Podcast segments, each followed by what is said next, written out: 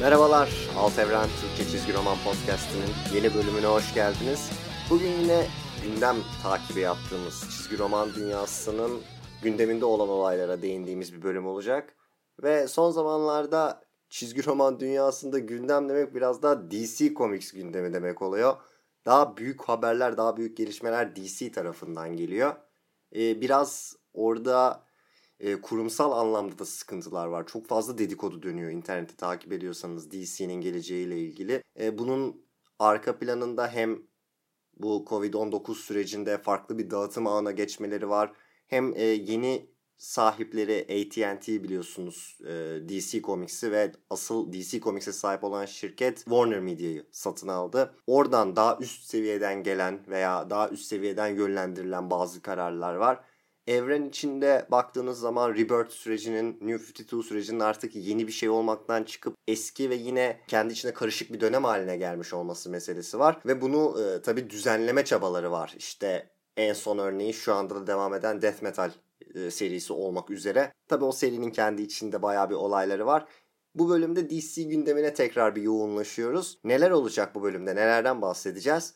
İlk olarak DC Universe Infinite diye bir uygulama açık. Kısaca bir ondan bahsetmek istiyorum çünkü daha önce bu konuyla ilgili bir bölüm yapmıştık. Dijital çizgi roman uygulamaları ile ilgili ve orada DC Universe uygulamasından bahsetmiştik. Şimdi de bu uygulama yerini DC Universe Infinite adıyla başka bir şeye bırakıyor. Ondan bahsederek başlayacağım. Daha sonra devamlı serilerde bazı değişiklikler var. Flash, Wonder Woman çok kısaca onlara değineceğim. Bir iki tane soru var onlarla ilgili gelen. Aynı şekilde Death Metal ile ilgili e, bir iki soru var gelen. Onlara cevap vermeye çalışacağım. Son olarak da DC'nin belki de şu anda en büyük haberi. Death Metal'den sonra başlayacak olan yeni bir süreç Future State dönemi. Bu dönemin arka planı nasıl çıktı bu fikir ortaya neler var içinde nasıl bir şey olacak kısaca bunlarla ilgili de bilgi vermek istiyorum. Bunu özellikle istememin sebeplerinden bir tanesi internette çok fazla sağlıklı olmayan bilgi e, dönüyor bu konuyla ilgili. Bazı yanlış e, anlaşılmalar falan da olan bir süreç üzerinde. Dolayısıyla en heyecanlı süreç olan Future State'ten bahsederek de bitireceğim. Önce DC Universe Infinite'la başlayalım vakit kaybetmeden. Ee, şöyle bir giriş yapayım. Biliyorsunuz Marvel'ın bir uygulaması var. Marvel Unlimited diye. Ayda 10 dolar karşılığında dijital olarak Marvel'ın son 6 aydı eskiden. Şimdi son 3 ay oldu. Son 3 aya kadar ki bütün çizgi romanlarına ulaşabiliyorsunuz. Yani e, amiyane bir özet yapmak gerekirse Marvel'ın Netflix'i veya Spotify gibi bir şey. Aylık bir ücret ödeyip bütün arşive eriştiğiniz bir olay. DC'de buna karşılık olarak gösterebileceğimiz bir uygulama tam anlamıyla yoktu. DC Universe uygulaması vardı. Ama DC Universe uygulaması biraz e, şey mantığıyla yapılmış bir uygulamaydı. Hani Marvel çizgi roman mı veriyor? Biz daha fazlasını verelim diye böyle bir topluluk e, yaratma amacı olan dizilerden, filmlerden, animasyonlardan da paylaşımların yapıldığı bir platformdu. Ve bu platformun önemli bir özelliği telif haklarıyla vesairelerle bilmem nelerle uğraştığı için hem e, çizgi roman anlamında hem de bu dizi film bilmem ne içeriği anlamında öyle çok ütopik bir uygulama olmamasıydı. Yani çok iyi bir fikir tabii ki. DC'ye ait her şeye ulaşabildiğiniz bir uygulama olsa gerçekten güzel olurdu. Ama öyle değildi. Sürekli dönen, rotasyonda olan bir içerik vardı. Aynı zamanda tabii en büyük sorun olarak sadece Amerika'da kullanılabiliyordu. Marvel Unlimited bütün dünyada kullanılabiliyorken DC Universe sadece Amerika'dan erişilebilen bir uygulamaydı. Bu işi daha da karıştıran bir başka olay da tabii DC çok daha büyük bir şirketin bir parçası. Tıpkı Marvel'ın Disney'in bir parçası olması gibi DC de Warner'ın bir parçası ve Warner'ın kendi içinde farklı streaming servisleri de vardı. Başta şu anda en çok ön plana çıkan HBO Max olmak üzere bir sürü platformu vardı ve hani neyi nereden izleyeceğiz gibi bir soru işareti de yaratılıyordu. Son gelişmeler, son e, kararlarla DC Universe'ün film, dizi ve animasyon odaklı içeriğinin HBO Max'a kaydırılması yönünde bir karar alındı. Böylece DC Universe uygulaması da adını değiştirerek DC Universe Infinite haline gelerek sadece çizgi roman odaklı bir uygulama haline geldi. Ki muhtemelen en başından beri de olması gereken buydu. Evet Hani Marvel'a göre daha fazla şey yapıyordu DC Universe ama belki bu anlamda biraz daha basit bir şey yapmanın, basit bir şeyi çok iyi yapmanın daha iyi olacağı bir durumdu. Marvel Unlimited için bunu söyleyebiliyorduk. Şimdi DC Universe Infinite için de bunu söyleyebileceğiz. Ve tabii ki en büyük haber bunun bütün dünyadan kullanılabilecek olması. Dolayısıyla küçük bir meblağ karşılığında ki Marvel Unlimited'dan da daha ucuz olacak bu arada uygulama 8 dolar fiyatı. 8 dolar karşılığında 20 bin 25 bin civarı DC çizgi romanının anında erişebileceğiz. Ve tabii ki tahmin edeceğiniz üzere her ay bu sayı giderek artacak. Bu konuda tabii şöyle yarı şakayla karışık, yarı ciddi yorumlar geliyor. Yani 8 dolar da çok ufak bir meblağ değil artık şeklinde.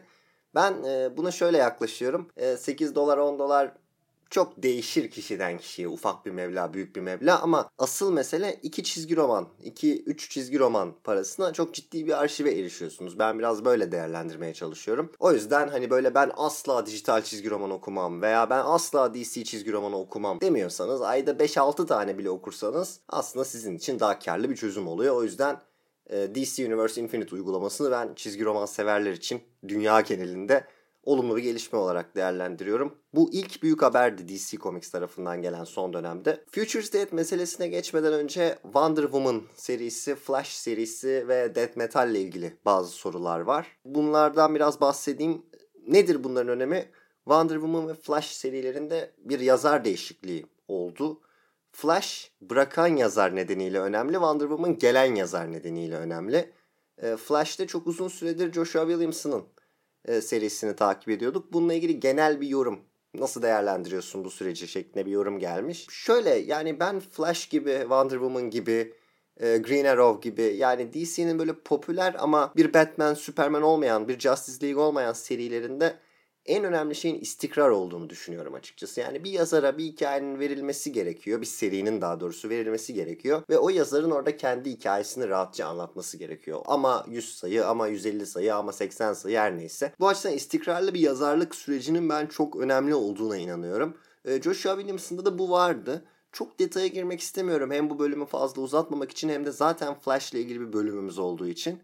Ee, onu dinleyebilirsiniz. Yani şöyle söyleyeyim. Bana göre tipik e, ama kötü anlamda söylemiyorum. Tipik e, bir süper kahraman serisiydi. Baştan sona okuyorsanız, takip ediyorsanız güzel bir seriydi. Şu eleştiri yapılıyor. Biz podcast'te de konuştuk bunu daha önce. Hani bütün yaptığı şey farklı renklerde e, hızlı koşan adamlar yapıp farklı renklerde flashlar yaratıp onları birbirine savaştırmak e, şeklinde bir yorum da yapılabilir bu seriyle ilgili. Yani çok orijinal, çok farklı bir şey olmadığı da söylenebilir. E, doğru yani hayatımda okuduğum en iyi süper kahraman çizgi romanı falan diyemem Flash için ama sonuç olarak belli bir standartın üstüne devam eden mantıklı hikaye kurguları olan ve genel olarak okuması keyifli bir seriydi. Eğer Flash seviyorsanız, eğer tipik bir süper kahraman çizgi romanı sizin için kötü bir şey değilse. Şimdi Flash'ta yeni bir dönem başladı ee, ama Wonder Woman'da başlayan yeni dönem tabii biraz daha dikkat çekiyor. Wonder Woman'da yeni yazar e, Mariko Tamaki oldu. Tamaki için yeni bir yazar, genç bir yazar çok diyemeyiz. E, aslında kariyerinin ilerleyen noktalarında olan birisi. Fakat bu Marvel ve DC ile daha doğrusu özellikle DC ile e, çalışma ilişkisinde bir ilerleme oldu son dönemlerde. Bağımsız eserlerle çok tanınan bir yazardı aslında. This One Summer diye oldukça başarılı bir çizgi romanı vardı. Oldukça tanınan bir çizgi romanı vardı. Ee, geçtiğimiz yıllarda Laura Dean Keeps Breaking Up With Me diye bir çizgi roman yazdı.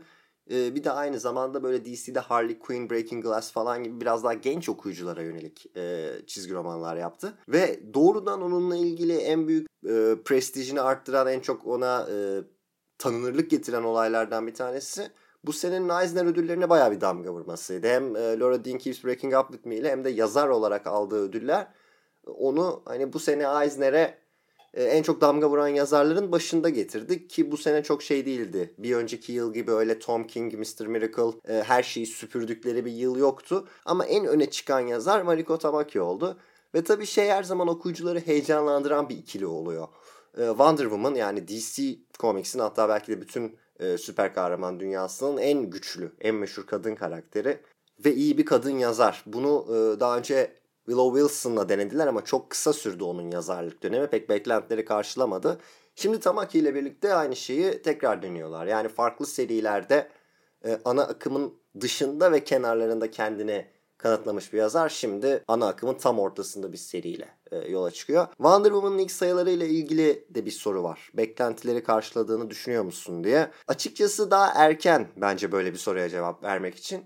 Şeyi beğendiğimi söyleyebilirim. E, Wonder Woman serisini ben e, Rebirth'ün başından beri de düzenli takip ediyorum. Rebirth dönemiyle hani biraz daha sıkıntılı bir süreç başladığı için hep bir şey e, muhabbeti oluyordu e, seriler içinde. Wonder Woman yeni bir yere geliyor. Tabii çok sık yazar değişiklikleri oluyordu seride. Yeni bir yazar geldiği zaman onu farklı bir kurguya sokuyor. Farklı bir şehre, farklı bir apartmana her neyse. Sonra yanına bir tane genç, bir başka kadın karakter, e, yan karakter e, veriliyor. Ve hep bu düzen bir şekilde devam ediyor. Yani Wonder Woman yanında bir kadın karakter, sonra değişen bir kurgu, başka bir karakter vesaire. Bu yazarlık sürecinin de başında benzer bir şey oldu. Wonder Woman yine yeni bir yere taşındı Burada yine yanına bir yan karakter verdiler ama bu sefer işin farklı olan boyutu biraz okuyunca seriyi ben ilk okuduğumda şey oldum. Yani yine aynı şeyi mi yapacak gerçekten? Yani Tamaki geldi bu kadar e, insanlar gaza getirildi vesaire vesaire yine aynı kurgu mu olacak diye düşündüm. Son e, sayılarla birlikte benim okuduğum son sayılarla birlikte bu konuda güzel bir e, twist oldu. Beklenenin biraz dışına çıktı. O yüzden e, en azından o tuzağa düşmediğini kendimce düşünüyorum Tamaki'nin.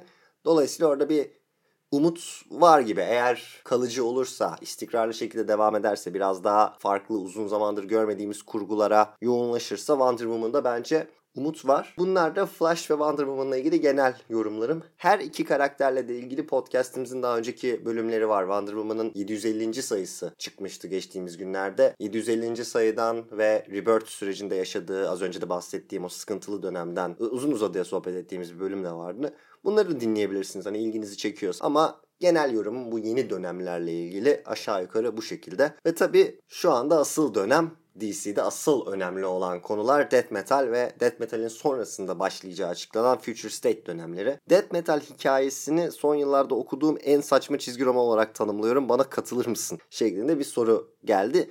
Katılmak zorundayım ama böyle olacağı belliydi. Yani saçma ve bu saçmalığı kabullenen artık metal serisinde gördüğümüzün de ötesinde yani tamamen tuhaf şeyler olacağı belli bir seriydi. Burada Death Metal'in bence yarattığı bir kurgu var. Yeni bir dünya var. Zaten DC evrenini soktuğu yeni bir hal var. Ve bu mesele bir şekilde öyle ya da böyle çözülecek. Ama asıl önemli olan bence Death Metal ile ilgili yani bu seriyi okuyacağız saçmalığını kabul ederek. Bu saçmalıktan keyif almaya çalışarak okuyacağız. Ve ondan sonra asıl mesele DC evreninde asıl kalıcı e, olaylar yaratacak şey bu serinin finalinden sonra ne yapılacağı. Çünkü bir sürü şeyi Death Metal'e bağladılar. E, hem Justice League serisi buraya bağlandı hem e, Doomsday Clock'ta Heroes in Crisis'te çözülmeyen bir sürü olay buraya bağlandı. O yüzden Death Metal'in asıl önemi bu seri bittikten sonra ve eski haliyle ya da işte yeni haliyle DC evreni yeniden yaratıldıktan sonra olacaklar. Bence asıl e, asıl meseleyi burada göreceğiz. Ve tabi bu asıl meseleyi görmeden önce de muhtemelen yapılan açıklamalar bize şunu gösteriyor ki Future State dönemini göreceğiz. Herhalde DC gündemi deyince en çok meraklandıran konu da budur.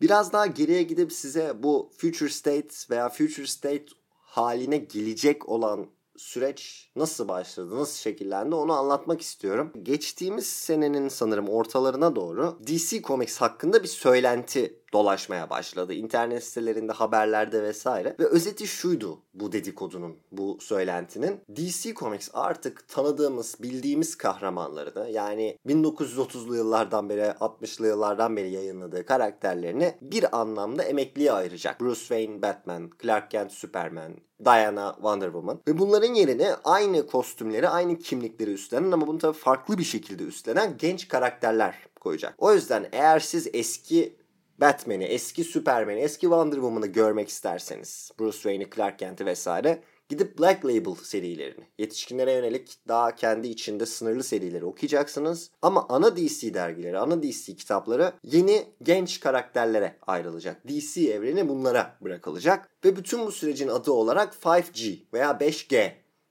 dönemi e, deniyordu. Bu hiçbir zaman DC tarafından resmen doğrulanan, e, evet biz artık 5G'yi başlatıyoruz falan şeklinde tanıtılan bir süreç değildi ama o kadar çok yorum, o kadar çok konu, o kadar çok haber sitesinde yayınlanıyordu ki artık şey durumu barizdi. Hani ateş olmayan yerden bu kadar da duman çıkmaz denebilecek bir düzeydeydi.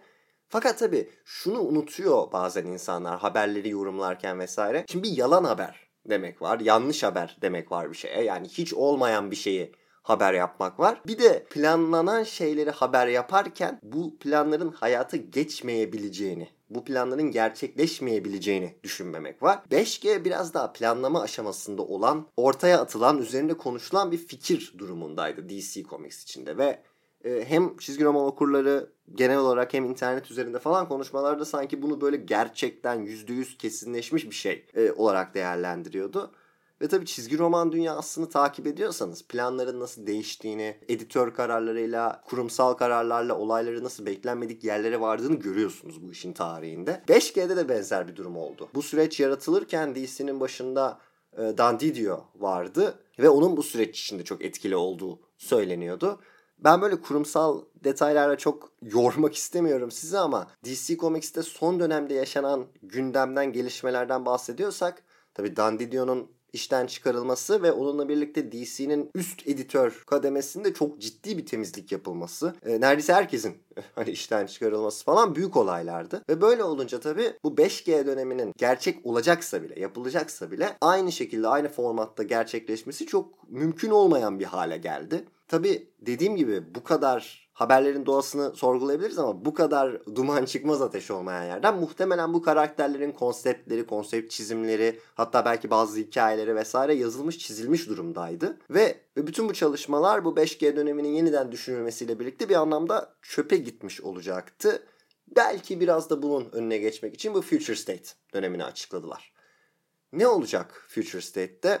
DC'nin resmi olarak sonunda yaptığı açıklamaya göre Death Metal serisi bittiği zaman biz Death Metal'in sonunda olan iki tane şey göreceğiz. İki epilog göreceğiz. Bunlardan bir tanesi bu resmi yazı içinde, bu tanıtım e, kitapçı içinde söylenmemiş durumda. Sır olarak tutuluyor. Bekleyebileceğiniz gibi böyle büyük bir hikayenin finalinden. Ama ikinci epilog, ikinci olacak şey Future State dönemi olacak.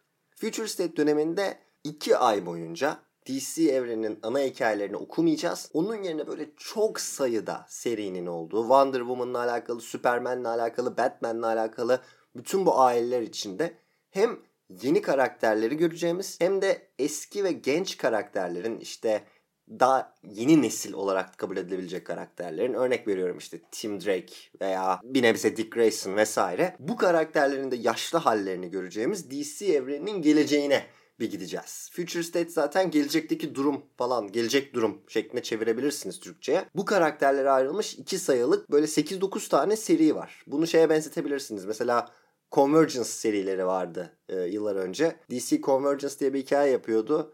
Bu hikaye sürecinde normal serilerin çıkmasına 2 aylık bir ara verip sadece Convergence kapsamındaki yeni serileri çıkartmışlardı. 2 ay DC evrenine bir ara verip bu hikayeleri okumuştuk. Future State'de de böyle olacak. Tabi 5G dönemi ile Future State arasındaki en büyük fark ki burada bunu söylerken 5G döneminin günün sonunda bir söylenti olarak kaldığını da vurgulamak, hatırlatmak istiyorum. 5G ile ilgili söylenen şey DC evrenin bu olacağı meselesiydi. Yani DC evreni dediğiniz zaman artık Superman John Kent olacak. İşte Batman e, Lucius Fox'un oğlu olacak. Wonder Woman bilmem kim olacak. Green Lantern bilmem kim olacak falan şeklinde bir düşünce vardı. Yani ana devamlılık bu genç karakterler üzerinden yürüyecekti. Future State ile ilgili şu ana kadar sahip olduğumuz bilgiler ana evrenin bunlar üzerinden yürümeyeceğini yani bunun alternatif bir timeline olduğunu e, gösteriyor. Bu da ne demek? Yani biz iki ay boyunca bu Future State dergilerini göreceğiz ve daha sonra asıl DC devamlılığına bir geri dönüş yapacağız. Veya aynı anda belki asıl DC devamlılığının serileri de başlamış olacak. Yani 5G DC evreninin yeni dönemi olmaktan çıkıp 2 aylık bir event olarak tanıtılmaya başlanmış durumda. Ve tabii bütün bunları söylemişken demin söylediğim şeyde bağlı kalarak konuşayım. Planlar her zaman değişebilir. Farklı şeyler olabilir. Bu karakterler yeni hikayeler içinde tutanlar mutlaka DC devamlılığının içine dahil edilebilir bir şekilde. Ama şimdilik gözüken e, bu 5G için yaratılan konseptlerin Future State içinde değerlendirilip ondan sonra ana DC evrenin devam edeceği yönünde. Tabii şunu da ayrıca vurgulamak istiyorum. Death Metal'in e, ve Justice League serisinin finalinin Death Metal öncesinde bize gösterdiği şeyler nedeniyle şu anda DC evrenin ana devamlılığı nasıl bir şey olacak onu da bilmiyoruz. Yani ciddi değişiklikler zaten olacağı ortada ama Future State ile birlikte bir alternatif, bir olası gelecek göreceğiz. Ve bu 5G olayı da muhtemelen bundan sonra artık tamamen rafa kaldırılmış olacak. Aşağı yukarı DC Comics'teki gelişmeler, gündem maddeleri bu şekilde. DC Universe Infinite'dan bahsettik. Uygulama yaz aylarında, 2021'in yaz aylarında bütün dünyada kullanıma sunulacak. 2021 yazından itibaren bu uygulamaya abone olabileceğiz. Wonder Woman Tamaki ile yeni bir dönem yaşıyor. Flash'te Joshua Williamson'ın yazarlık süreci bitti. Orada yeni bir dönem başlıyor. Ve Death Metal hikayesinin sonunda göreceğimiz şeylerden bir tanesi az önce uzun uzadıya bahsettiğimiz Future State süreci. Geri kalanında DC evreninin ne olacak? Bu tuhaf hikaye neye bağlanacak? Onu zaman gösterecek. Daha epey devam edecek Death Metal. Şu anda e, Ekim ayındayız. Ekim ayının sonundayız. Ocağa kadar devam etmesi e, öngörülüyor. Ve bununla birlikte DC evreninde gerçekten yeni bir dönemde başlamış olacak. Bakalım ilerleyen süreçlerde biraz daha istikrar ve biraz daha böyle oturmuş bir düzen görecek miyiz? Yoksa podcastimizin ilerleyen dönemlerinde de gündem eşittir DC Comics olmaya devam mı edecek? Hep beraber göreceğiz. Çok teşekkür ederim bu bölümü dinlediğiniz için. Bir sonraki bölümde görüşmek üzere. Hoşçakalın.